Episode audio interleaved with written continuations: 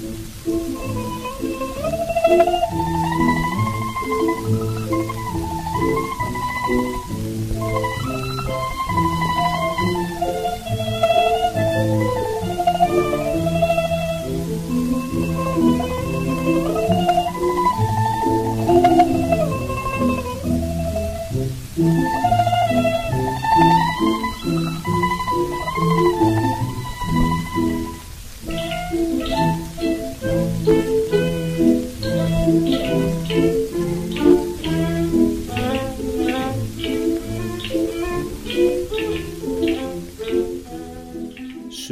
Ykkar sem hafið verið að velta fyrir ykkur heimsókn til Japans, eh, heimsókn sem er kannski ekki alveg að fara að gerast á næstunni nú þegar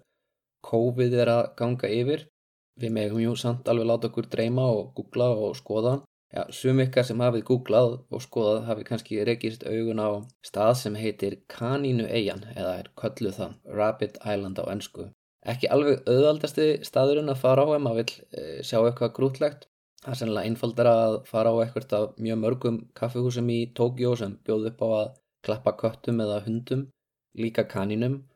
En af því til Tókjó og allt er hægt, er það sjálfsögðu líka hægt að klappa uglum og östnum og í rauninni bara öllum dýrum sem leifa klapp. En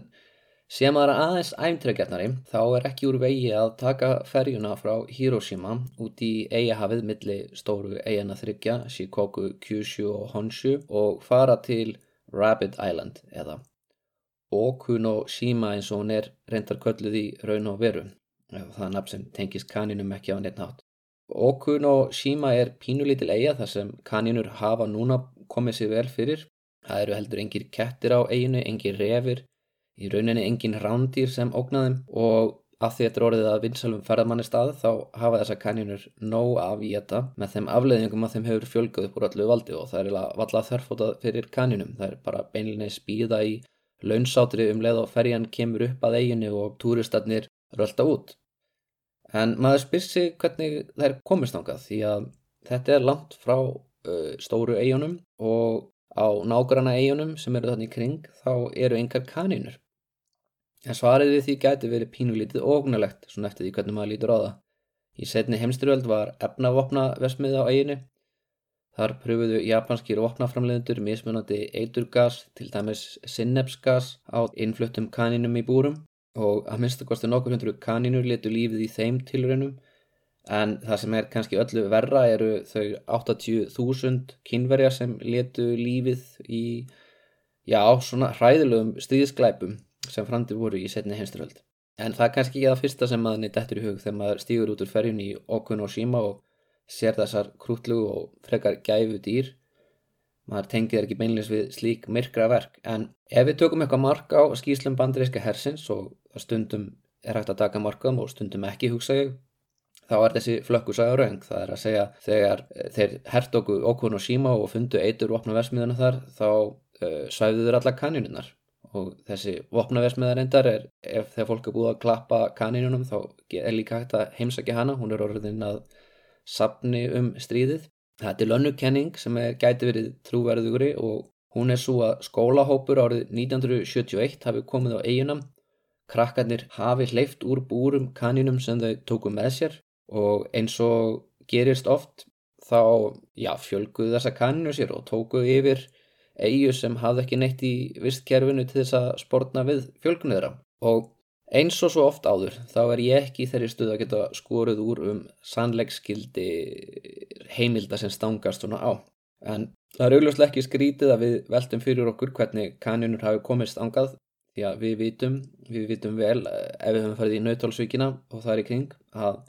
kaninur sem búa í öskulíðinu eru búa lítið fyrir það að fara neyður á strönd og enn ólíklegri til þess að stökku úti og synda. Og Japani til forna verðist að hafa hugsað svolítið um þetta því að þeir uh, voru með þjóðsögu um það hvernig hérar hefðu komið til landsins. Þar að segja hérar eru náttúrulega ekki kanínur en, en, en þetta eru svipu dýr. Og það er til þjóðsaga um hvernig héri platar hákalla til að skutla sér yfir hafið. Svona saga sem er eins og blanda af sögunum Sæmund Fróða sem far kölska til að synda með sér til Íslands eða kaplum sem smittli skjálpugunar og hér hans, þetta er svona, þetta er svona, já, í þeim anda.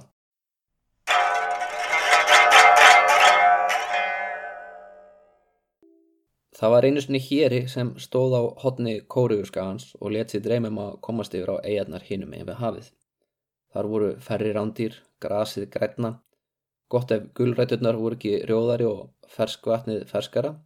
Hann bjóð sig undir stökk sem hann vissa myndi ekki döga þegar hann á síðustu stundu fekk snildar hugmynd og hann kallaði til hákallana í hafinu. Hei þið þarna, Wani Same, saðan og Wani Same er gamalt orð yfir hákalla. Hann kallaði, hei þið þarna Vani Samei, ykkar ættbalkur er smerri og ómerkilegri en ætt okkar héra. Og hákallar eins og við vitum öll þá eru mjög stolt dýr og láti ekki einhvern héra gera lítið úr sér. Kottu hérna úti í vatnið til okkar og endur töktu þetta. Kölluðu þeir og fundu strax blóðbræði í mununum við tilvísununum héran syndandi meðal þeirra. En hérinn let þú ekki plata sig úti heldur helt áfram Við hérar erum mun fjölmennari og merkilegri ættbalkur en þið, sagðan. Og fleiri og fleiri hákallar söpnuðist saman við ströndina til að átta sig á hvað eiginlega væri í gangi. Það er einhver héri að hæðast á okkur. Hver þykist hann vera? Hann segir hér að þjóðuna fjölmennar en okkar. Er það ekki bara kæft að þið? Jæja, sanni það á, sagði hérinn. Og hvernig hefur þú að sanna það? spurði hákallandir á móti. Nú, Ef þið stillið ykkur upp í beina línu þannig ég sáu bakuggan ykkar þá skal ég telja ykkur og ef þið eru fleiri en við hérarnir þá, þá vinnið þið og þetta allir smá deilum og reyfrildi og, og endanum þá samþykti hérinn að, að Hákallandi myndi fá að getan ef, að, ef hann teldi þá og það kemur ljós að þeir eru fjölmennari en hérarnir. Svo hóstan, Hákallandir stiltu sér upp í beina línu, hérinn byrjaði að telja og hann stökk upp á fyrsta bakuggan og kallaði einn svo stökk hann yfir á það næsta, tveir, þann þriðja, þrýr og svo koll á kolli þeir stilti sér upp í beinalínu sem náði alla leið frá strönd meilandsins að Tottori héræði sem er á vestur hluta Japans. Tottori er reyndar frækt fyrir strönd og risavegsnar sandöldur sem er annar vinsferðamannastæður í Japan. En hvaðan um það, hérinn held áhrum að telja 4561 sagði hérinn og hoppaði 4562 saðan og hoppaði aftur. Hei, ég er að reyna að tellja hérna, kallaði hann þegar hákallin gæti ekki stilt sig og næri glefsaði á honum aðra á loppuna. 6986, sagðan döið uppgifin og sveittur. 6987, stundan, óþúlin móður. En hann var farin að sjá glíta í vestutröndina og hann byrjaði að glotta eins og hérar gera þegar þeir ná að blekja stærri dýr. Það verðist vera að hérar í japanskum þjóðsugum séu alveg miklir hrókagikkir og montrassar og þeir sem búa á vestelundum því alveg eins og í sögunum kappleipið millir hérans og skjaldbökunar þá stóðst hérinn ekki mátið að monta sig þegar hann taldi sig að var unnið. Svo hann hrópaði þarna plataði ykkur, ég ætlaði mér aldrei að tellja ykkur alla, ég ætlaði bara að sjá til þess að þið hjálpuði mér að komast yfir hinum einn og stökk svo af bakuga síðasta hákallins yfir á landið. En hann hefði betur sleppt því því að þessi síðasti stökku beit fast í feldin á honum og greiði hérinn eftir en sem betur fer fyrir hann þá ripnaði feldurinn af og hann skall niður í sandin húðflettur enn á lífi og látti þeir þetta kenningu verða auðmingiðinn, kalluði hágallanir og sendi í burtu. En auðmingja hérinn láði þarna á strandinu og gati ekki hreft sig að því að það var svo sárt en hún náttúrulega ekki mjög þægilegt að líka á sandströnd uh, án þess að hafa húð utanum líkamann en Á þessum tímafóti gengu bræður framhjánum. Þetta voru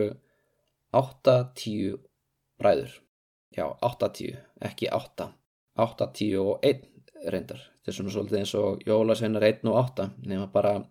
tífalt fleiri. Allavega hana, uh, það eru 8-10 bræður sem koma einmitt á þessi tímafóti hitta héran á stöndinni og þessi síðast þeirra, númer 81, er sá eina þeirra sem fær nafn og sína einn þjóðsugu í lokin. Eldri bræður hans, þetta er náttúrulega yngsti bróðurinn sem kemur hérna síðastur eldri bræðurnir þeir hlæja að uh, héranum. Og þeir gefa honum mjög slæm ráð þeir stinga upp á því hann skólis upp úr saltvatni og reyna að þerra sig í vindinum til þess að laga ástandið og hérinn let gabbast hann fyrir að ráðunum og, og þetta svíður því að hann er jú að nutta salti í sárin. Maður er eða spyrsi að hverju þeir bara steikt hann ekki á teini fyrst að hann búið á húðflettan en allt í lagi, kannski, kannski bara fannst þeim finnar að stríðunum aðeins. En þessi síðasti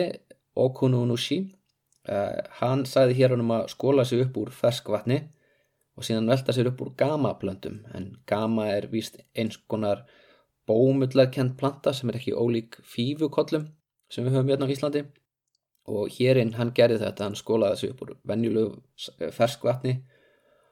og velti sér upp úr svona hvítum uh, gamaplöntum, hvítum fífum. Og hann fekk nýjan skjanna hvítan feld. Og þess vegna fá japanskir hérar hvítan feld á vituna, vil þjóðsagan meina. Þetta er ævaforn saga því hún er skráði í reytið Kojiki sem er skrifað árið 712 og ég vitnaði í fyrsta þættinum þegar ég var að segja frá sköpunarsögu Japans og ég á eftir að aðeins halda áfram að, að segja frá honum Okununushi síðar. Hérinn eh, gefur honum mjög næs spádóm, hann spáði því að hann muni verða einmaður prinsessu og það vilt svo til að bræðurnir 81 er á leiðinni að bera fram bónorð fyrir Yagami prinsessu en auðvitað er það yngsti bróðurinn þessi sem hjálpar dýrum í neyð en ekki eh, sá sem er óþörlega vondu við þau sem eh, fær prinsessuna alveg eins og í æfintýrum á Vesturlöndum. Merkilegt nokk þá hefur Okununushi kaninu vinnurinn eða héra vinnurinn öll heldur enga tengingu við kaninu eina Okuno Shima en hann er tilbyðin í Izumo hér aðeins skamt frá uh, þar sem Kyushu og Honshu mætast og það er í hofið þar í Izumo Taisha hofinu sem gæti reyndar verið eldsta sínduhofi í Japan þar er bæði hann og hérinn tilbyðinir en nú höfum við eitt nógu miklu púðri í hér á kaninur í bíli að sjálfsögðu komu hérar til Japans ekki á baki hákalla heldur með landbrú sem var eitt sinn milli Japans og meilandsins fyrir miljónum ára síðan eða já, kannski bara 2000 ára síðan. Uh, ef það var landbrú frá Sýberíu til Japans á Ísöld eins og sem eru vilja meina. En uh, Japan hefur samt eiginlega alltaf allavega síðan sko menn settist þar að veri frekar einangrað frá meinlandinu það sést kannski helst af því hvað svo sent Akuryrkja kemur til landsins. Uh, menna það kemur ekki fyrir en 300 fyrir Krist. En um leið og hún er komin og þá bara byrja Japanir fyrðu fljótt að stopna lítil konungdæmi og hafa samband við meginlandið og, og eins og ég fór yfir í síðasta þætti þá koma senda smá konungar og drottningar sendi búða til kínverskra keisara og fá gilt innsikli frá þeim og öruglega eitthvað meira, einhver viðskiptatengst og sjálfsögðu berast hugmyndir til Japans og ein slík hugmynd, ein hugmynd sem bast til Japans nokkur undru árum eftir að Himiko drottning sendir erindrika til Kína þá best hugmyndin að allt sé hjóm eitt og við ættum að huglega til að öðlast innri frið og mögulega að losna úr eilífri ringrás endurfæðinga. Leiðin þangaði þraung en möguleg fyrir okkur öll ef við förum að ráðleggingum Indversks prins sem var upp á sjöttu öll fyrir Krist og hér er ég að sjálfsögðu að tala um buddhisman.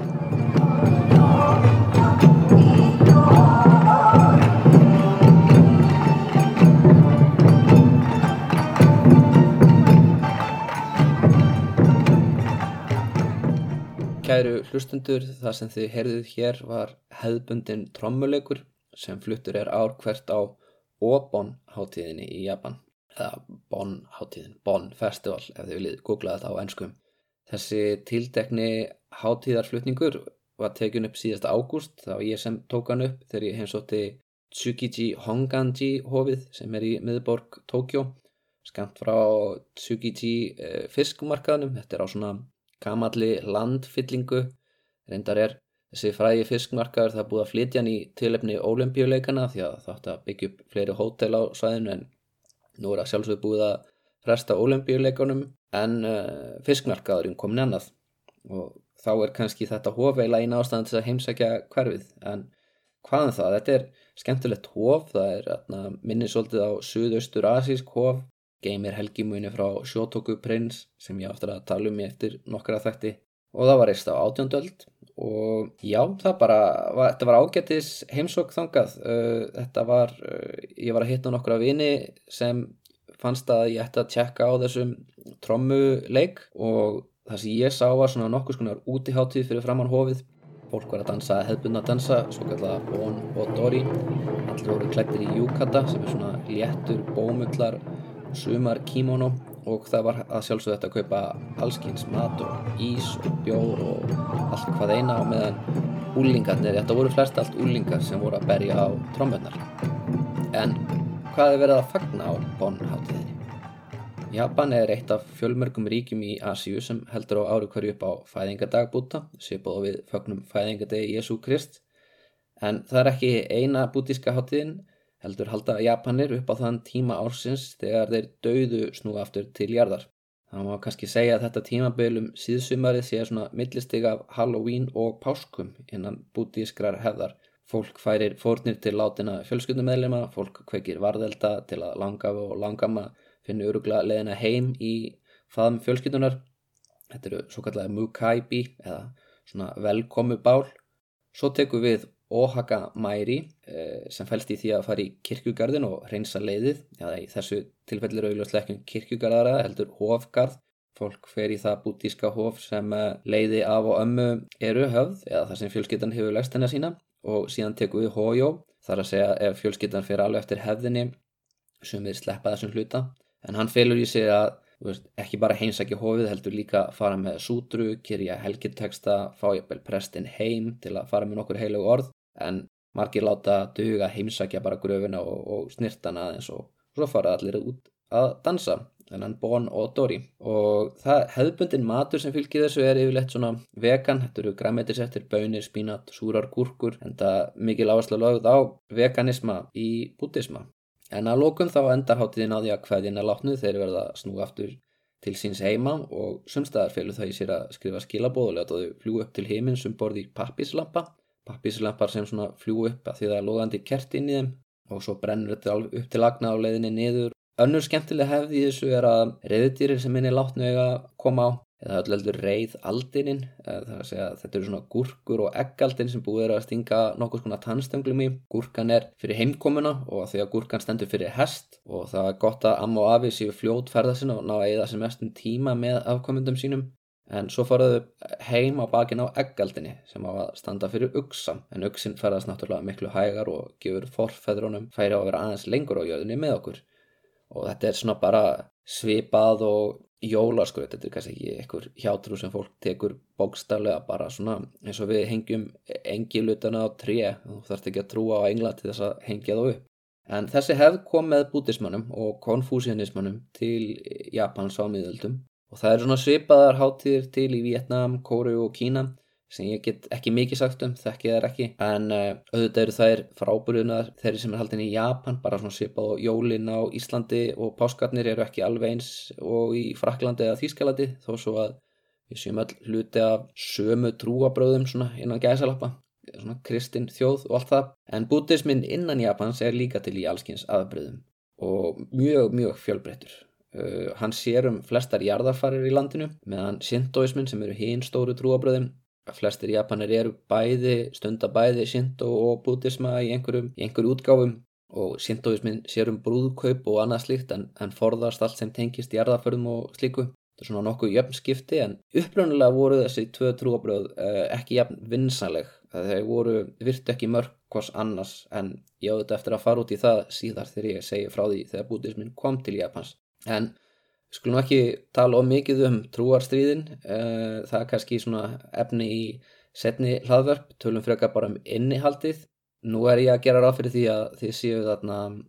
Íslandingar eins og ég, þeir sem hlustið og þið hafi kannski farið í gegnum fermingafræðslu eða fengið smá kristinfræði í grunnskóla. Þannig að ég ætla að spyrja ykkur hvað myndið þið nefna sem svona uh, það stóra og mikilvægasta, stærsta og mikilvægasta í kristninni. Nú ef ég væri að reyna að lista upp eiginleikum kristninar í mjög stuttum álið myndi ég nefna að Jésu degi á krossinu fyrir syndir okkar. Við þurftum að trúa á hann til að njóta góðs að þessari fórn og losna við syndirnar. Ég myndi segja eitthvað um heilaga þrenningu að að skilja mikið í því hvernig heilagrandi, föður og sonar sambandið virkar. Svo myndi ég segja já, Guð skapaði heiminn, þau borða eppli hent út úr paradís, það er syndaflóð og já, og það eru tíu bóðorð um, þetta er svona grunninn þar sem mig rámar í að skipti máli í kristinni. En hvernig myndi ég segja frá buddhismannum um, ég ætla svona að reyna að stikla á álíka stóru í, í hvað var þar buddhismann um, kannski það fyrsta sem við ættum að vita er að einhver tímaðan milli 600 til 400 fyrir krist þetta er ekki mjög nákvæm ekki mjög nákvæmt hjá mér en á einhver tíman á því tímabili var uppi prins að nafni Siddhartha Gautama sem síðar átti eftir að fá uppljómun þegar hann hugleiti undir 3 Hversu mikill prins hann var er eitthvað sem á debattera. Hann var meðlimur í sjakja ættbalgnum, sonur mannsannarni Suto Dana sem var ekki konungur heldur kjörin leðtói meðal sjakja fólksins. Þetta var fólk sem bjó í einhvers konar líðveldi, fornalda líðveldi sem var í raun stýrt af einhverjum ólíkörkum. Ólíkt auðvitað líðveldum í dag, líðveldi í dag er náttúrulega ekki stýrt af ólíkörkum með þann okkur. En hvaðan það? Sangvænt bútískri hefð þá var Sudodana spáð að sonur hans er þannig hvort konungur alls Indlands eða mjög helgur maður og eins og alltaf í svona sögum þá reynir fólk sitt besta við að fá þá niðurstu úr spátamunum sem það vill. Með þeim afleiðingum að það fær þá niðurstuða sem það vildi ekki þannig að Sudodana læsti sonsinnin í höll umváðan allskins veljastingum þannig að hann skort aldrei neitt, hann uppliði ekkert neikvægt, hann uppliði enga sjúkdóma, enga návistu dauðan og þetta gekk svo langt að þegar Siddharthali fekk loks að fara út næri þrítugur þá sá hann sér til hryllings að heimurum var ekki eins góður og að honum hafi verið logið. Það var fyllt af fátagt, sjúkdómum og, og svo sjálfsögðu var þetta gamalt fólk og, bara, og lífið var bara erfitt og ströggl. Þannig að í stað þess að luxuslífið leiði til þess að Siddhartha þrái völd og ríkidæmi þá verður sjokkið að uppgöta fátækt og ömurð til þess að hann gerist helgur maður, hann reynir að einhver svör. Þannig að hann ferðast á milli annara manna sem er að reyna að svara stóru lífskátunum. Hann þjálfur undir handleyslu einhverja jóka og pröfar að svelta sig og afnetta heiminum en svo uppgötur hann loks millivegin að það sé ekki gott að umvefja sig munuð, ekki um, gott að velta sér upp á þjánungum, það þarf að gæta hófs í öllum. Þetta er svona kjarnin í, í bóðskap bútismanns mætti segja. En uh, annað, það er náttúrulega sjálfsögðu eitthvað sem er hægt að grípi í sig búið á bóðurinn tíu. Við getum talað um sannleikskortin fjögur eða öllu eldur guðfugu sannendin fjögur og þau eru nummer eitt, duka eða þjáning er óaðskiljanlegur hluti lífsins og lífið er hverfult. Og já, það er erfitt að vera ósamála þessu, ég held að þetta séu nokkuð rétt, en þessi hverfuleiki heimsins, það mun poppa aftur og aftur í þessu hlaðvarpi, því að þetta er mjög mikilvægt hugtak í japanskri menningu bæði í listum á bókmentum það eru munkar og um hinn fljótandi hinn hverfula heim bæði í gríni og í mikilli alvöru. Númið tvö er samudæja, það er að segja þjáningin á sér uppruna í löngunum og bindingu. Að því við að við þráum að losna undan þjáningu þá umvefur hún okkur enn meir. Og aftur, það er svolítið erfitt að vera ósamlegaður, ég held að það sé kannski bara svolítið augljóst að við öll þjáumst í einhverju mynd og við þráum að losna undan þjáningunni og einhverju leitið þá stafar þjáningina því að við þráum að eignast hluti, við höfum ekki allt í lífinu sem við, við teljum okkur vantar til þess að vera hamingjusum og þetta veldur okkur veldur okkur kvíða. Og nummið þrjú, nýróta þjáningum á stöða með því að koma í veg fyrir langanir, það er hægt að losa sig úr samsara og ná nirvana. Og nirvana er að sjálfsögð ekki bara hljómsveit þetta er hugar ástand og það er æskilegt að ná þessu hugar ástandi því að ef við náum þaðan þá losnum við úr samsara sem er í rauninni heimurinn og við, við hættum að endurfæðast í sífell og upplifa þessa þjáningu. Og fjórðið sannleikurinn er að leiðin úr þjáningunni er að fylgja hennum áttfalda veg. Og í stuttumáli er sagt, eh, ef við viljum losna úr ömurð og eind eilífrar endurfæðingar þá þurfum við bara rétt viðþorf, skilja þessi guðvugu sannindi fjögur, þurfum við réttan ásetning, við þurfum að taka ákvörðunum að hætta við alla fjandsemi og óþykju rétta ræðu, það er að segja að tala við hvort annað á vingjallegan og sannan máta og það þýðir að við meðum ekki ljúa eða baktala fólk eða etja mann á máti manni. Við þurfum að fylgja síðaræglunum 5 sem eru að ekki drepa, ekki stela, ekki misnota líkamlega nötnir, ekki ljúa og ekki neyta áfengis eða annara efna sem hindra skýra hugsun. Svo þurfum við rétt lífsviðiðværi, ekki valda öðrum skada í starfi okkar réttar áherslur, vera óþreytandi að reyna að ná hinnum markmiðunum, þurfum rétt hugarfar, uh, hæfilegan til að vera hlutlust meðvitaður um eigin hugsanir og svo þurfum við rétta einbindningu. Það er að segja við þurfum að huglega almennilega. En þetta er nú eins basic skilgreining á bútism og hægt er að fara út í og það sjálfsögðu þá er ekki einu svona víst að allir sem kalla sig bútista geti algjörlega tekið undir allt sem ég var að lista einn upp.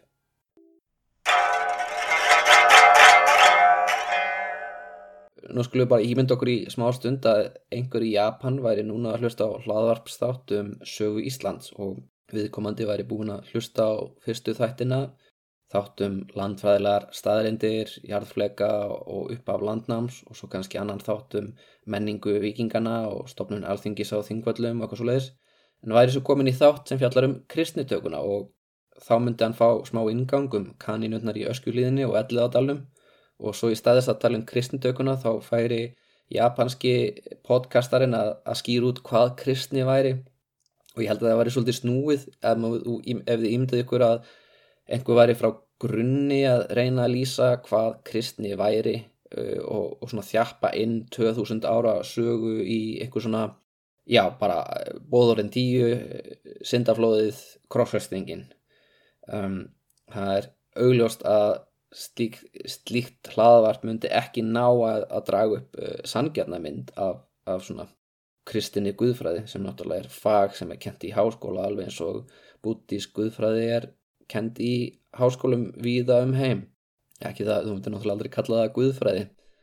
en uh, það er auðvitað annað mál sko. Nú mér fannst mikilvægt að fara smá, gefa þessu smá dýft því að ég vantur að tala alveg ógeðslega mikið um bútisma uh, og bútismi leikur alveg ótrúlega stort hlutverk í miðaldasögu Japans og hann skiptir líka mál upp á menningatengsl Japans við meginlandið. Og það er þessna sem ég ætla að nota þennan þátt í að tala rosalega mikið um meginlandið. Ætla að segja frá því hvernig bútismin verður til og í hvaða samengi og svona og hvernig hann fer, eh, hvaða leið hann fer til Japans og eh, þess vegna ákveði ég að byrja þetta á því að segja frá sögunum um það þegar hérinn stökk á baki hákalla til Japans. Að því mér finnst það vera svolítið svipað. Bútismin hann fer uh, krókaleið til Japans og má segja hann stökk við á baki hákalla eftir silki veginum og það er ekki, það er ekki auðvelt að komast í gegnum eigðimörk og auðn og slettur þar sem eru allskís hyrðingjar og ræningar og svoleiðis til Kína og verða þar að einhvers konar uh, stórum trúabröðum sem síðan stökka yfir til Japans. Er ekki, þetta er ekki einföld leið. Eftir andlátt Siddhartha Gautama sem hefur huglegt undir tríanu og síðan predikað fyrir almenningi í Índlandi þá taka lærisjónar hans við og stutt eftir það þá þróast fleiri afbreyða bútisma innan Índlands og sumir skólar kenna ákveðna texta, aðrir ekki Þessi tekstar eru ekki stuttir, sumar sútrur eru lengri en biblían. Já, ég menna það er umdeltu þetta hvaða sútrur eru raunverulega orðbúta sjálfs eftir því hvaða söpnuð maður tilerir og frá okkar sjónamiði, svona vestrænu sjónamiði, myndi slíkur ágreiningur duga til þess að skilgreina hópana sem sitt hvort trúarhópin.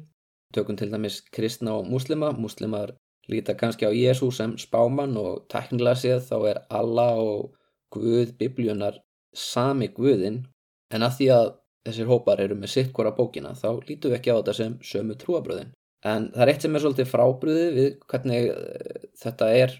virkar innan bútismas það er það innan klaustrana það sem munkar og nunnar búa sérstaklega framanaf, kannski ekki svo mikið síðar mér en, en framanaf þá er rými fyrir allskynstúlkanir og aðferðafræði. Og munkar úr annari reglu geta búið í sama klöstri og, og önnurregla regur, fyllt annari hefð, haft aðra bækur og stundum þá reyna þeir að kenna hver öðrum og kannski saminar einhver. Þessar kenningar og úrverður þriðji skólinn sem samt nær einhvern veginn að halda áfram innan þessara klösturhefðar og þetta er náttúrulega trúabröð það sem er engin miðstýring, það er ekki pávar eða biskupar að drotna yfir öllu. Og það er skiljalegt að þetta verði flókið mjög flótt. Smán saman þá þróast svona þrjár megingreinar, það er að Theravada, Mahayana og Vajrayana og í þessu hlaðarpi verður eiginlega aldrei talað um Theravada þó með grunir endar að flesti búttistar heilendist til þeirri grein að því að hún er vinsæl í Tælandi og Suðustur Asju. Þetta er svo grein búttisma sem breyðist með verslun frá Suður Indlandi til Indonísu, Burma og Tæland og svoleiðis en næri ekki til Japans fyrir ná 2000 þá bara með einhverjum innflytjendum það. En Vajrayana greinin, hún átti eftir að ná til Japans, eh, þó svo hún sé ekki jafn sterk og Mahayana. En eh, stærsti Vajrayana söpnuður í heimi það eru fylgjendur Dalai Lama, þetta eru tíbeski og mongólski bútismin og hann leikur auðvitað stort hlutverk í sögu með Asjum en svona smátt hlutverk skulum við segja í sögu Japans. Eh, það sem ég mun aðalatálum er Mahayana bútismin Það er sábútismi sem við sjáum í hofum í Kína, Kóri og Japan aðalega og hann fer sömu leið á Asrayana bútismin, norður á bógin. En áður en við fyrir þongað, þá ætla ég aðeins að tala um mikilvægasta konung í sögu bútismans.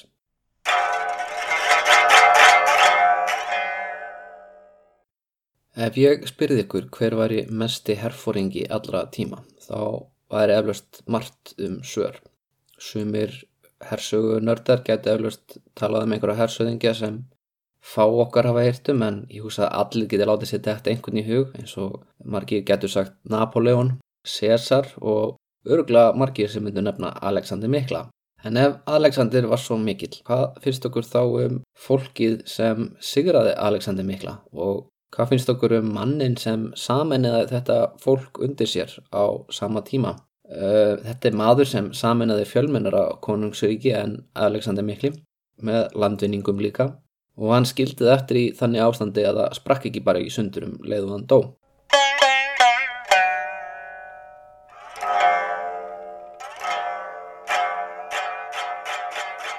Eftir að Alexander Mikli hafði sigrað það sem þá var starsta veldi heimi, Persaveldið, herrtekið Egiptaland, Babylon, Persíu að sjálfsögðum, þá fór hann inn í Industalin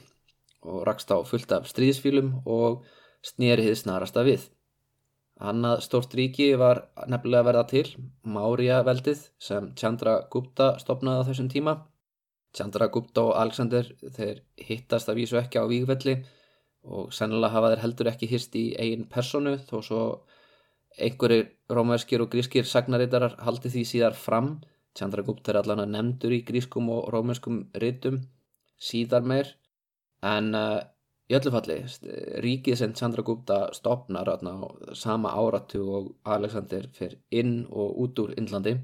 Það átti eftir að ná yfir allt norður Indland, Bangladesh, hlut af Burma í austri, Pakistan og Afganistan í vestri og það eina sem að vantaði af nútíma Indlandi eins og það lítur út í dag er síðusti ottur skagans en þar voru erfiðir frumskóar og eiginlega öll veldi í sögu Indland sem hafa náða samina norður hlutan og njóta þar góðs af sléttunum í kringum Ganges. Þau ná eil aldrei suðurinn út af því að landafræðin þar er svo erfið. Það eru bara frumskóar þetta er bara svipað á heimalæja að fjöllin stoppa þannig konungu af í norðri. Það þó ekki Chandra Gupta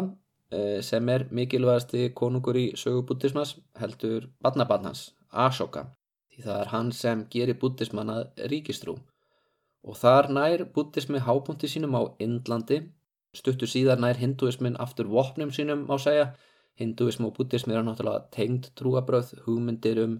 nirvana og endurfæðingu koma úr hinduisma. Þessar tvær hefðir hafa mikil áhrif á hvort annað. Við má í rauninni segja að með því að hafa anstæður á borðið buddhisma þá verði hinduismi til. En hvaðan það? Uh, náttúrulega mörgundur árun síðar þá ráðast muslimar inn á skagan, stopna eitthvað annað veldi og, og þá þurkast eila bútismin út en hindúismin lifir af sem er alltaf allt önnu saga því að við ætlum ekki að tala um Indland of mikið. En allavega, Ashoka hann stutti við klöstur, hann reisti stúpur þar að segja svona minnisvarða með áleitruðum helgitekstum og hann nýtti bútismann til að réttleita vald sitt. Það er náttúrulega með svona trúabröð, þetta er alltaf einhver tæki fyrir konunga til þess að uh, réttlæta til, valdatilbyrði sína. Bara alveg svo, Konstantín hann notar kristnina til þess að verða keisari Rómverja, svona samina ríkið eila með einhverju ríkistrú. Kalla Magnús, hann lætur Páan grína sig og það gerir hann að einhverju meir en bara hverjum öðrum konungi og það sama má segja um, um konunga og keisara í Östurlöndin. Það er atna, mjög algengt og Mahayana buddhismin er sérstaklega opið fyrir því og kannski hluta því sem gerir hann svona vinsalan í Östur-Asju uh, Mahayana bútismin hann atna, leifir valdtöfum oft á tíðum að kalla sig endurfæðingu einhvers spekings eða jafnvel holdgerfing bodhisattva á jörðu bodhisattva er svona sál sem ákveður að fresta því að fara til nirvana heldur vera áfram í mannheimum og aðstóða aðrar sálir en, en hafa sérstaklega náð að verða búta sko. þeir hafa bara ákveðið að, að fresta því að fara inn í nirvana því þeir eru bara það góðir og það fylgta keisurum í sögu Kína mongólskum konungum og svo þetta tíbeskir lamar sem nýta þetta til þess að réttlæta völd sín. Þau, þeir eru botið satt á holgerðir og ef þú hlýði þeim þá ertu góður bútisti. en Ashoka þarna á Índlandi, hann er í rauninni frumkvöðl í þessu, hann tengir sér búta reyndar með bytni hætti, hann tengir sig við hann með ættartölu sem rekur þá saman, en hann er þarna á Índlandi til þess að passa upp á fylgjendur búta. Þó svo Ashoka og Chandragupta séu að mörguleiti betur hefnaðir stjórnendur heldur en Alexander Mikli að því að konundæmið er að rinja ekki hálfum sólaring eftir döðu þeirra þá er Alexander Mikli líka mikilvægur fyrir þróun bútismas og það er vegna herrferðar hans inn í Indland að því að hún kemur á tengslum milli grískra konundæma og grísku konundæmin er ekki bara það sem Gríklandir í dag. Eftir Alexander Mikli deyr þá verður Egiptalanda grísku konundæmi með grískri konungsætt og, og Persia og Írak og Sýrland og Tyrkland og þetta fyrir allt undir gríska valdhafa. Þannig að þarna, það er ekki bara balkanskægin og, og síkilegið eða eitthvað svoleiðis. Og það eru verslunatengst, það sé alveg mellir Indlands og, og Miðjarahafsins og þau halda alveg áfram alveg fram til þar til Rómaveldið er og í rauninni eru verslunatengst mellir Indlands og Evrópu bara í rauninni, þau halda alveg áfram þanga til í rauninni að Arabar og Tyrkir uh, verða, verða milliliðurinn, má segja. En það getur verið nefnilega að vestræna munkahæðin og svona frumkristnar hugmyndir, hugmyndir um einbúa sem fara upp á fjöll eða út í eðimörkina og tilenga sig guði, það er eigi rætur að reyka til búttískara trúbúða sem Ashoka sendi. Ashoka hann var ekki bara að venda búttista innan Indlands, hann sendi trúbóða vestur á bóin og við höfum reytaðar heimildi fyrir því að til dæmis Antiochus Annar sem er grískur konungur af Seilu í Suta eh, konundæminu, drotnar yfir Írak og Sýrlandi og Palestínu og þar, hann fær sagt, sendibóða sem kynna buddhismann fyrir honum og ekki nóg með það heldur náttúrulega hann sendir prinsessur til Indlands til að giftast eh, indverskum prinsum. Og, og auðvitað öfugt, þetta er svona þeir reyna að mynda með sér einhvers konar bandalag eða fríðar sáttmála með svona eh, þannig hjónaböndum. En allavega við vitum að Antiochus annar fekk grískumælandi bútistað til hyrðar sinnar mann með helginafnið Dharmarak Sita það er bara svolítið magnað þegar maður spáir í því og þá komu líka sendibúðar til uh, hirðar Ptolemeusar annars sem stýrði Egiptalandi og Ptolemearnir voru ákomendur makedóska hersuðugjans Ptolemeusar, allir kallar af þessari ætt voru einmitt kallar Ptolemeus sá fyrsti þeirra, hann tók lík Alexander Mikla og gerði mummi úr því og, og sett, Alexander Mikli er hildur sem fyrsti faróin í þessu atna, nýja veldi og það er náttúrulega bara svolítið skemmtilegt hvernig þetta blandast innlendri hefð þannig. Og þetta verður síðast á svona faróa ættalínan og allir kallanir heita Ptolemeus en allar konundar heita Kleopatra frægast meðlimur af þessar ættir auðvitað Kleopatra sem að hana, Cæsar verður ástofangin af. En hvaðan um það, það koma sér satt sendibúðar frá Indlandi allarleið þangað til ég geta land að búða bútismann og það getur verið að þeirra við orðið að einhvers konar söpnuði þar. Þannig að til dæmis nefndur einhver heimsbyggi skóli kallaður þerapútarnir sem eiga hafa átt, hafa átt að vera í Eidimörk Egiptalands 20 árum áður en Jésús fæðist. Og það er gýðingur á nafni Fíló, hann í Alessandriu sem skrifar um þá. Og það hafa fundist leggsteinar frá uh, tímum Fílós sem eru með darmahjólinu og darmahjólið er eitt mikilvægsta táknið í bútismannum og þetta er á þeim tíma sem að romverjar stýra Egiptalandi og Fílós hann lýsir þessum þessum terapútum en, en það virðist vera allan að halda sem ég fræði með því fram að þetta hafi verið teravata-bútistar sem hafi verið að yfka trúsina í grískumælandi heimi síðan meir þá eiga aðna, aðrir ferðamenn og, og fræðingar innan Rómaríkis eftir að skrifum eþjópíska gymnosófista og hvað eru gymnosófistar? Þetta er tekið af orðinu yfir nekt gymno og sófisti er orði við hérna, gamlan heimsbyggiskóla meðal Gríkja og þetta orði kemur fyrst fyrir þegar gríski heimsbyggingurinn ásakið Pyrrho ferðast með Alexander Mikla til Indlands. Og hann atna, spjallar við þessa spekinga á Indlandi. Og hann kallar þá gymnosófista gymno eins og ég sagði merkir nakin og ástæði þess að við tölum um gymnastics sem feimleika og við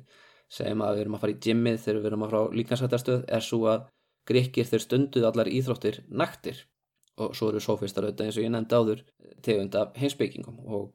gimno og sofistar voru í rauninni einhverjir menn sem voru að huglega naktir í hitanum aðna á Indlandi og, og tala um eðli heimsins og mannsins og allt sem heimsbyggingar gera. Og Pirró hann eh, er innblásin af þeim og hann fer aftur heim til Gríklands og hann stopnar annan heimsbyggiskóla sem er kendur við hann og þessi Pirróismi var svona nokkuð skona rótæk evahyggja en rannsóknir í dag benda til þess að þessar heimsbyggi sem hann var að búða sendi miklum áhrifum frá uh, buddískum spekingi að nafni Nagarjuna sem er stopnandi Ma Madhyamaka wow, Matahiyamaka skólans sem er nokkuð skona fyrirrennar í típeska buddhisman sem er, þetta er, þið heyrið að þetta er allt saman tengt á svolítið óvænta vegu rosalega mikið að tengingum milli e, grískar heimsbyggi og, og, og indversk buddhisma og, og þá kannski jafnvel frum kristni og buddhisma en við erum ekkert á leðinni vestur, buddhismi næri ekkert að skjóta rótum í vestri, við erum á leðinni östur Árið 68 eftir Krist, um það byl 400 árum eftir innrás Alexander Smikla í Indland, var hóf Kvíta Hestsins reist í borginni Luoyang sem er í miðju Kína. Borgin var á þessum tíma höfuborg Hanveldisins á stort ríki sem þó var ekki nema hluta því sem við, við í dagakvöldum Kína en allan að sangkvæmt þjóðsugu þá dreymdi keisarunum þáverandi, keisarunum Ming að ljós skínu úr suðaustri og hann sendi menn til Indlands að finna þetta ljós og þeir komið tilbaka með helgiteksta sem voru þýttir í þessu hofi. En þessi saga því miður er líkast til ekki sönn af því að keisarar Hanveldisins voru ekki byrjaðir að yfka bútisma á þessum tíma en bútíski munkar og ferðamenn, diplomatar frá ríkjum í austri, voru farnir að heimsækja Kína og það getur bara vel verið að erindreikar frá landinu Va sem ég talaði um í síðasta þetti sendibúðar frá konunginu að na jafnvel sem voru að sækjast þetta viðskiptarsambandi við heimsveldin á meginlandinu hafið rekist á uh, munka frá já, grískum ríkum í Afganistan. Þannig að þetta er svona það getur vel verið eitthvað svoleiðis að hafi gerst en það er samt þýðir ekki að bútismi hafi verið búin að festa rætur uh, í Kína á þessum tímapunkti. Það kemur þetta síðar fyrstu sútrurnar sem eru þýttar á kínversku, eh, það er bara rétt fyrir aldamótin 200 þegar hanveldið er að líðundu lók, það er aðna munkurinn Lokak Sema, svo eh, öll síðar þýðir munkurinn Dharma Raksa, Lotus sútruna. Og það er á tímum borgarastriðis þegar konungdæminn þrjú er að berjast um hver hefur yfirhöndina í hvert þeirra getur orðið að nýju saminuðu kesaraveldi. En þessi Dharma Raksa hann kom líklega frá Afganistan og ferðaðist silki vein að bóða bútismann og vegna þess að á þessum tíma eru stríð og hörmungar að hrjá almenning eh, þá er fólk móttækilega fyrir nýjum trúar hugmyndum. Þannig að gamli dáismin er ekki að gefa öllu svör og konfúsinismin er greinlega ekki að virka. Þið getur rétt svo ímynda ykkur hversu hrikalegt þetta er ef að, ef að þú byrði í keisaradæmi sem sundrast í þrjú meðsmunandi konundæmi og þau eru í stríðum í nokkur hundru ár og síðan það mennast þetta aftur í eitt ríki sem er bara saminnið eina kynnslóð en sundrast svo í 16 lítil konudæmi. Það er frekar átakanlegt sko, en það fækkaði íbúum í norður hluta Kína verulega. Hyrðingi ættbolkar úr norðaustri sáu sér færi á því að ráðastafnin, tyrkneskir og mongolskir ættbolkar eflaust eins og vanalega og þeir brendu agra og þorp og allt þetta því að það er ekkert stert yfirvaldis að verja kínverjana sem eru að rækta þarna og þetta veldur því að, að mjög stór hluti kínusku þjóðarinnar flýtur söður á bóin og hættir að rækta kveiti með fram guðlafljótinu og fer að rækta hrísgrón í söður hluta Kína. Og þú veist í rauninni færist þunga með að kínverðsku menningarinnar söður á bóin en, en það er á tíma þessara 16 konundama sem að bútismin nær virkilega vopnum sinum af því að Eh, fólk verður örvotningafullt og þessi smákonungar þeir sjá leið til að réttlæta völdsinn í gegnum bútismann og þegar Kína loks saminast undir tangveldinu þá er bútismin orðin mainstream og í rauninni er bútismin megin hugmyndafræði tangveldi sinns svona framan af. Og þetta er allt þökk uh, mjög þraut segjum munkum sem kom eftir silkiveginum og, stopnuðu klaustur meðfram honum og þýttu helgiteksta yfir á kínversku þannig að þeir væru þarna tilbúinir þegar því að kynverjar væri orðin og forvitnir og væri farnir að leita að öðrum sörum en þeim sem uh, voru í svona, þeirra hefðbundnu tekstum. En ég ætlaði nú eins og að gerast svo frægur að heimsækja eitt að þessum gamlu klausturum við, við Silki veginn. Það var komin allar leðina til Dun Huang sem er í, á mörgum eigðimerkurinnar uh, Taklamakan sem þýðir auðnin sem enginn kemst út úr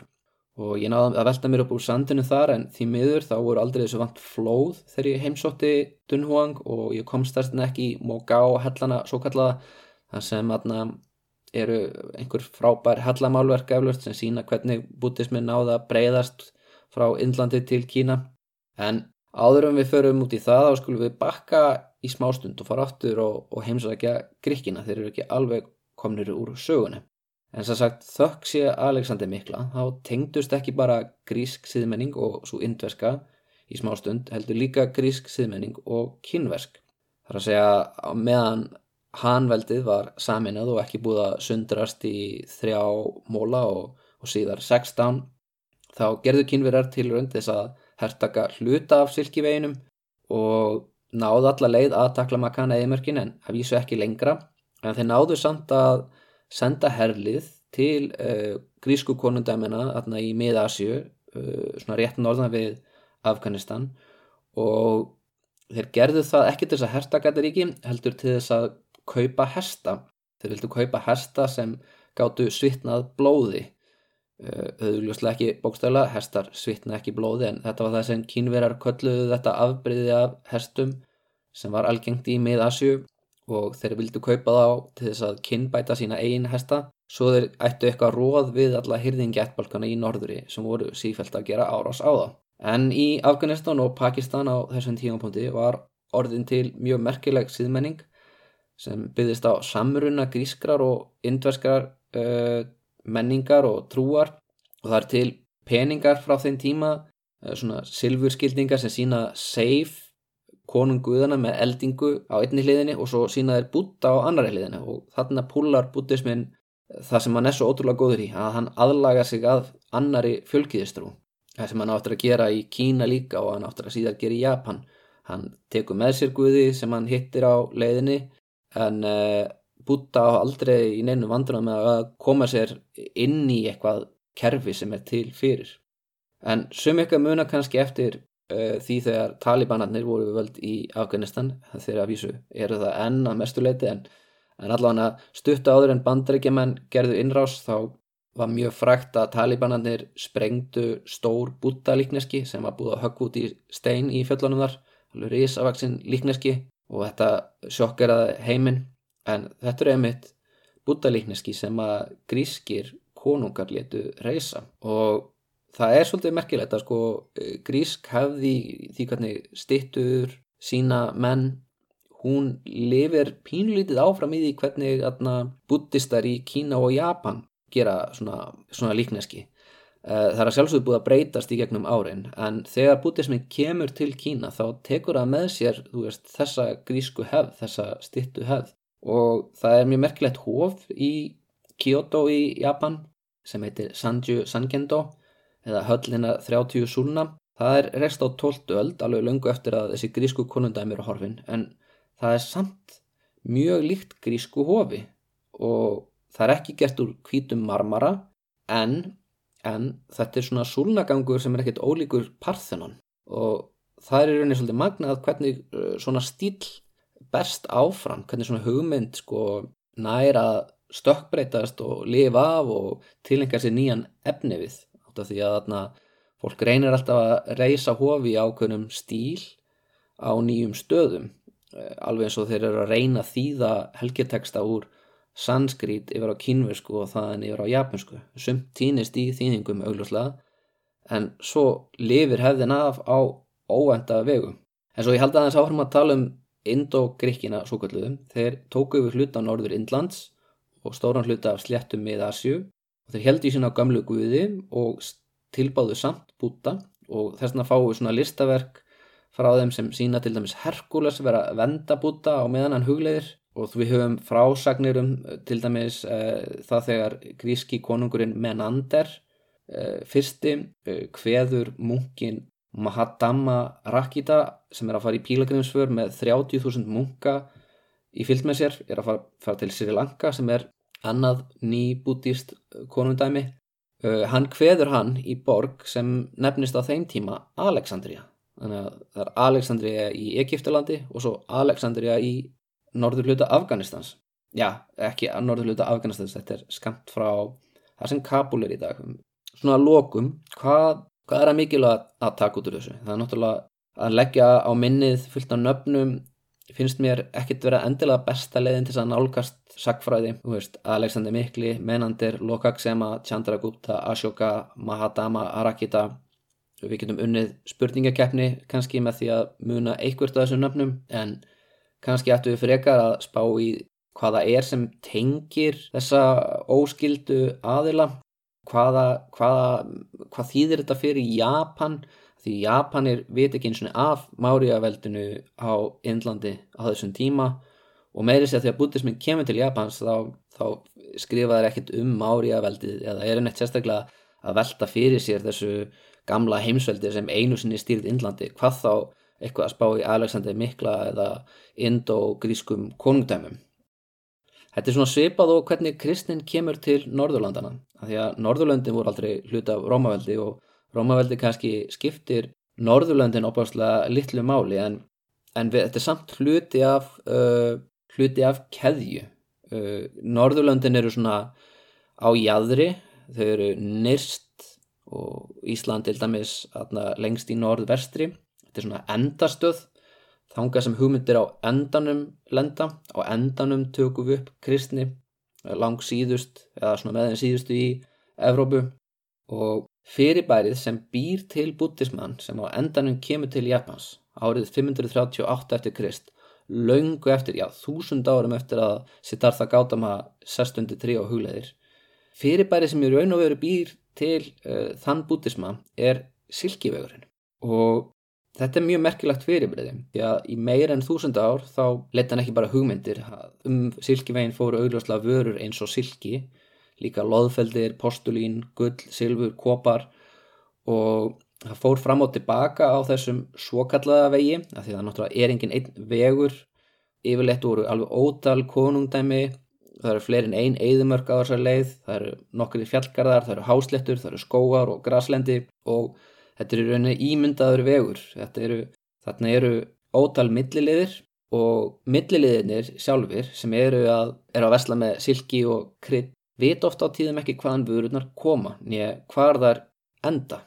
Sko ímyndin sem eh, hefur verið dregin upp að þessari vestlunarleið er að um hana fari ótal kamildýr í svona, svona langri uh, keðju, þetta er svona karavan með það sem fullt af dýrgripum og, og annað slikt eru upp á bakina á þessum þúsund kamildýrum sem eru á leiðin alla leið frá Kína til Bagdad eða Konstantinopel eða eitthvað en svoleiðis leiðangrar voru undantekning og þeir eiginlega áttu sér eiginlega ekki stað einsunni uh, það er ekki nema á tími mongólana og það er bara mjög stuttu tími þegar þetta er allt saman undir einu veldi sem það er í rauninni hægt fyrir eina manneskja að ferðast frá Kína til Evrópu en það er, þú veist, Marco Polo bara, já, hann er frægur af því að það er ekki mjög margir Marco Poloar skulum við segja. Það sem er miklu algengar er það að kaupmenn fari úr einu þorpi með ákveðna vöru yfir í næsta þorp. Þar selgir vöruna og fari svo aftur heim. Ganski með aðra vöru í skiptum fyrir þá sem þeir voru að koma með. Svona eins og langt bóðhlaup og það er að því að það er mjög hættulegt að leggja í langferðir. Það eru ræningar á vegunum og það eru lítil konungdæmi, tollar sem þú þarfst að greiða til þess að njóta verndar konungsins á þessum stað. Svo fólk er ekkert mikið að fara lengra en bara yfir í næsta dal. En þannig, koll á kolli, ferðast silkið mjög langa leið og þannig að stað þess að sjá fyrir okkur eh, lest ótal kamildýra með ótal kaupmunum þá ættum við kannski frekar að ímynda okkur einn ferðalang, einn á kamildinu sínu með póka og kistil og hann er bara á leiðinni yfir í næsta þorp. En hins vegar þá er hann með varning sem kemur frá kínverskri borg og hefur farið í gegnum ótal svona mittileiði og Næsti maður sem tekur við varningnum, hann veit að hann fær aðeins harra verð fyrir það í næsta þorpi, þar sem annar kaupmaður tekur við því og fær með það til borgarinnar.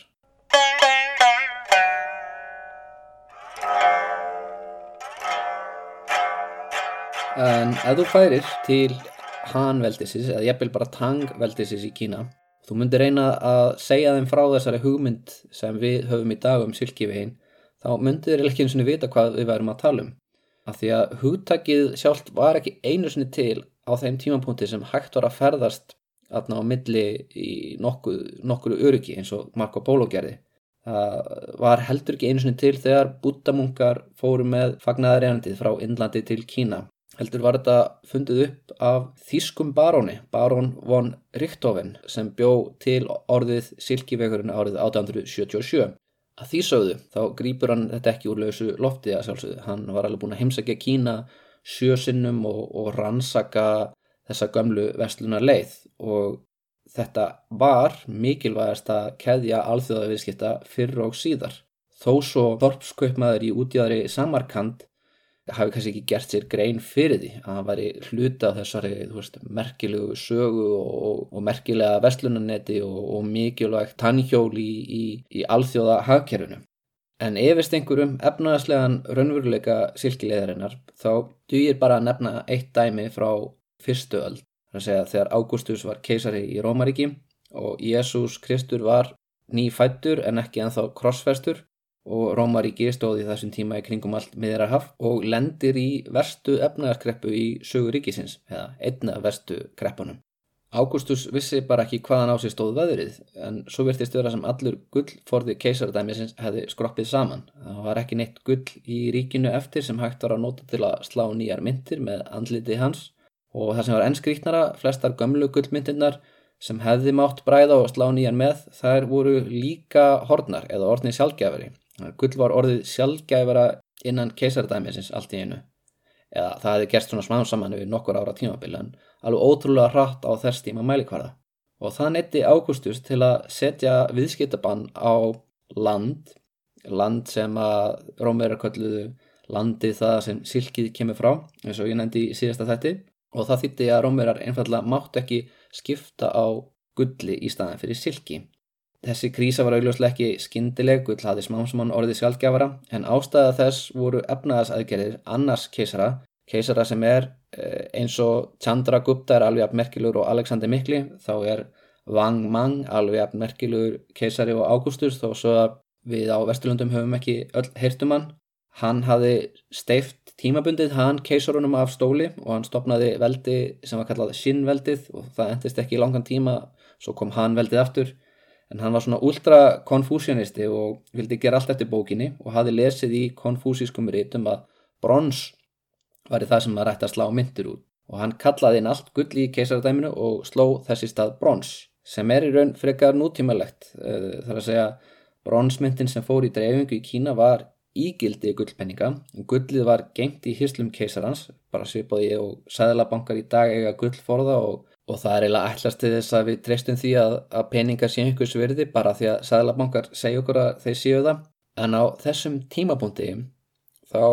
virkaði það ekki alveg þannig. Þessi innköllun á gulli þýtti að ringgrásinn á gulli, silfri, salti, silki, kryttum og öllu slíku rofnaði. Rómverjar höfðu ekki hugmyndum hver Vang Mang var en þeir gátt ekki notað bronskildingana sem nú eru byrjaði að dreifast á hinumenda silkivegarins og þeir sem eh, vissu ekki almenna hvað Kína var eða bara einfallega voru ekki undir stjórn Wang Mang, þeir trestu þessari mynd ekki. Hún var einskis virði fyrir þeim eða álíka mikil svirði og bronspenningur var. Hann var ekki,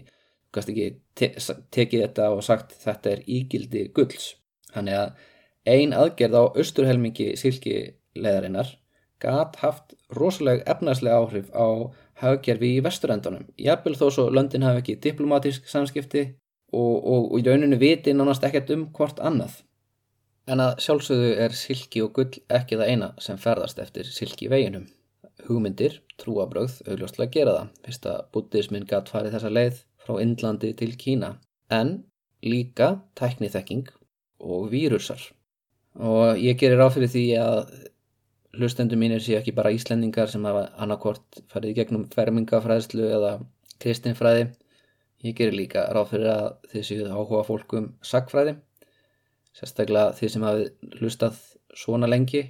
Mörgökar hafa eflaust lesið meðsölubókina Guns, Germs and Steel eftir Íslandsvinnin Jared Diamond það virðist vera svona sagfræðibækur sem reyna kjarna mannkinsuguna og einfaldan máta slá í gegn á nokkur ára fresti hvað svo sem já, sagfræðingum eiginlega þykir um það eru miskáti með þetta sko. Og ég hef hirt marga gaggrínan Jared Diamond fyrir bókina hann er svona alhæfi full mikið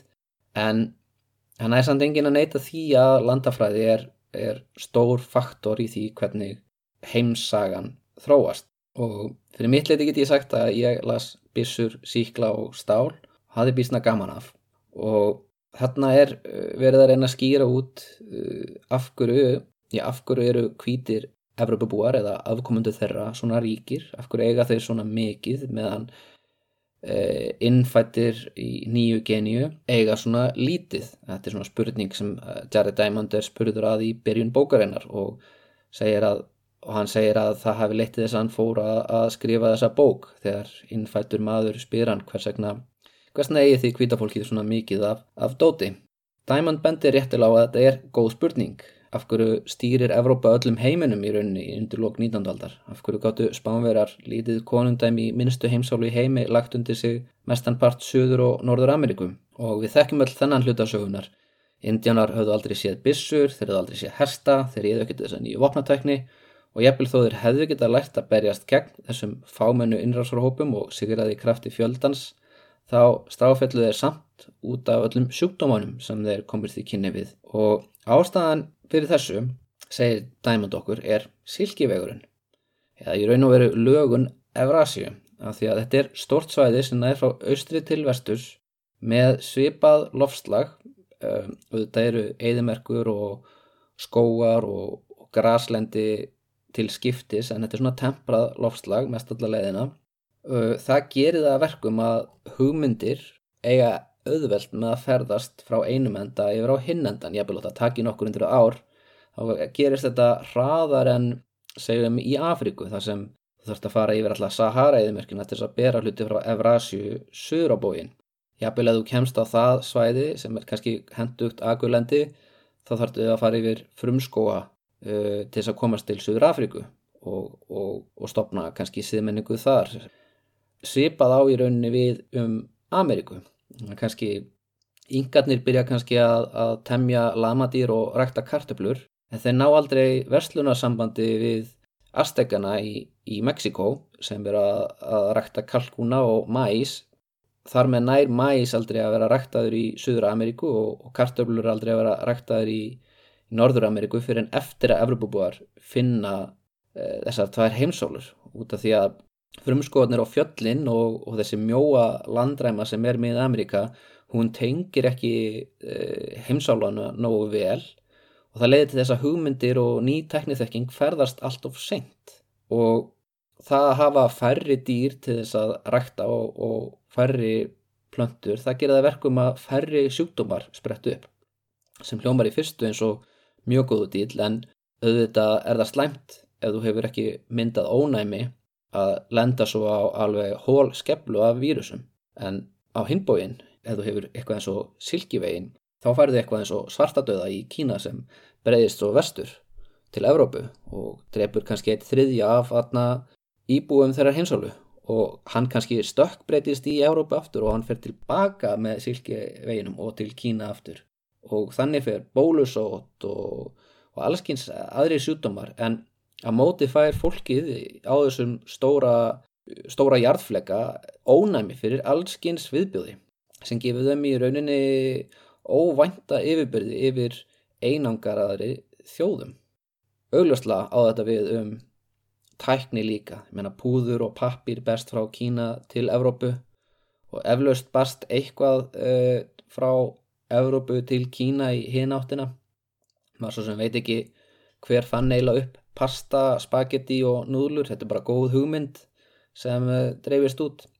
Uh, einhver staðar í Úkrænu sannilega uppgötaði einhver að það var ekkert að drekka kúamjólk og þar myndaðist einhver ættbalkur sem hafi þól fyrir mjólkurvörum og sá ættbalkur tamdi kannski hesta líka og náði þannig að dreifast út með þessa tækni til Indlands, til Arabíu, til Mongóliu og þeir komu kannski á herspaki frá Indlandi með sérkennilega fuggla, hænsni og uh, sem bara var mjög, mjög sniðut að hafa hænsni, alltaf hægt að grípa egg og þetta er þægilegt að geima þunni í búrum og svoleiðis. En ef þú hefur hænsni þá, þá náttúrulega færðu þau alls konar sjúkdóma frá hænunum og sömulegði svínum og hver allir hafi tamið svín fyrst, það er hómöluð að segja til um það. Við vitum svo sem að kettir koma frá Sahara, Íðmerkin og Egiptalandi og þeir breyttust líka út smám saman út um allt og það er hendut að hafa ketti hjá sér ef þú atna, hefur meindin eins og róttur og meindin eins og róttur sem, sem koma sér fyrir kortluðinniðinni eða geta hrískuninniðin, þau geta náttúrulega smitaði líka svartadauða. Já, í raun og veru þá tryggir silkivegurinn það að atna, íbúar í Evrasju, þeir mynda þól fyrir allski sjútumum, þeir egnast allskins tækni sem þeir hafa sjálfur ekki fundið upp á og hugmyndir eins og bútismi og kristni geta haft áhrif á hvort annað úr fjarska á þess í rauninni að vita af hvort öðrum, svolítið magnað. En það segir sitt að þegar bútismin kom til Japans þá kom hann líka með bólusótt. Uh, mjög stór hluti Japana dói úr bólusóttum sem bleiti og bútismin kom ákað og með bútismanum kom allskyns tækni, það er járnaldar vopnatækni um, stíplur eins og eru restar í Kína og að sjálfsögðu rítmál og það sýnir að sko Japan verandi svona einangrað e, það þjóðin þar hefur korki þól fyrir vírusunum á meginlandinu nýð þessar þekkingu nýð þessar trúarhumdir en eftir að bútismin kemur ángað þá hafa þeir allt þetta. Þeir hafa e, geta aðna rítað kínvest letur á pappir þeir hafa ónæmi fyrir bólusótt eða allan stór hluti þjóðarinnar og þeir hafa ný trúabröð trúna að þarna, ef þú hugleðir rétt og tilengaðir ákveðin lífstíl þá losnar þau út úr hjóli eilífrar endurfæðingar. En ég ætla að segja þetta gott í byli þetta er orðið óenju langur þáttur en ég ákvað að hafa þetta bara svona til þess að ég myndi ekki enda á því að segja frá uh, sögubútismans og, og miðasíu í tveimur eða þremur þáttum heldur geta farið strax í næsta þætti að fjalla um, já vísu ekki Japan, í næsta þætti ætla ég að tala um Kína og, og hugmyndir sem eru í Kína eins og konfúsianismi og daoismi og enda það svolítið eh, svo á því hvernig bútismin berst til Japans. Það er allan að plani mitt í augnablikunni, ég áttur að skrifa þáttinn, þetta kemur í ljós. En ég þakka ykkur það sjálfsögðu fyrir hlustununa og við heyrums næst.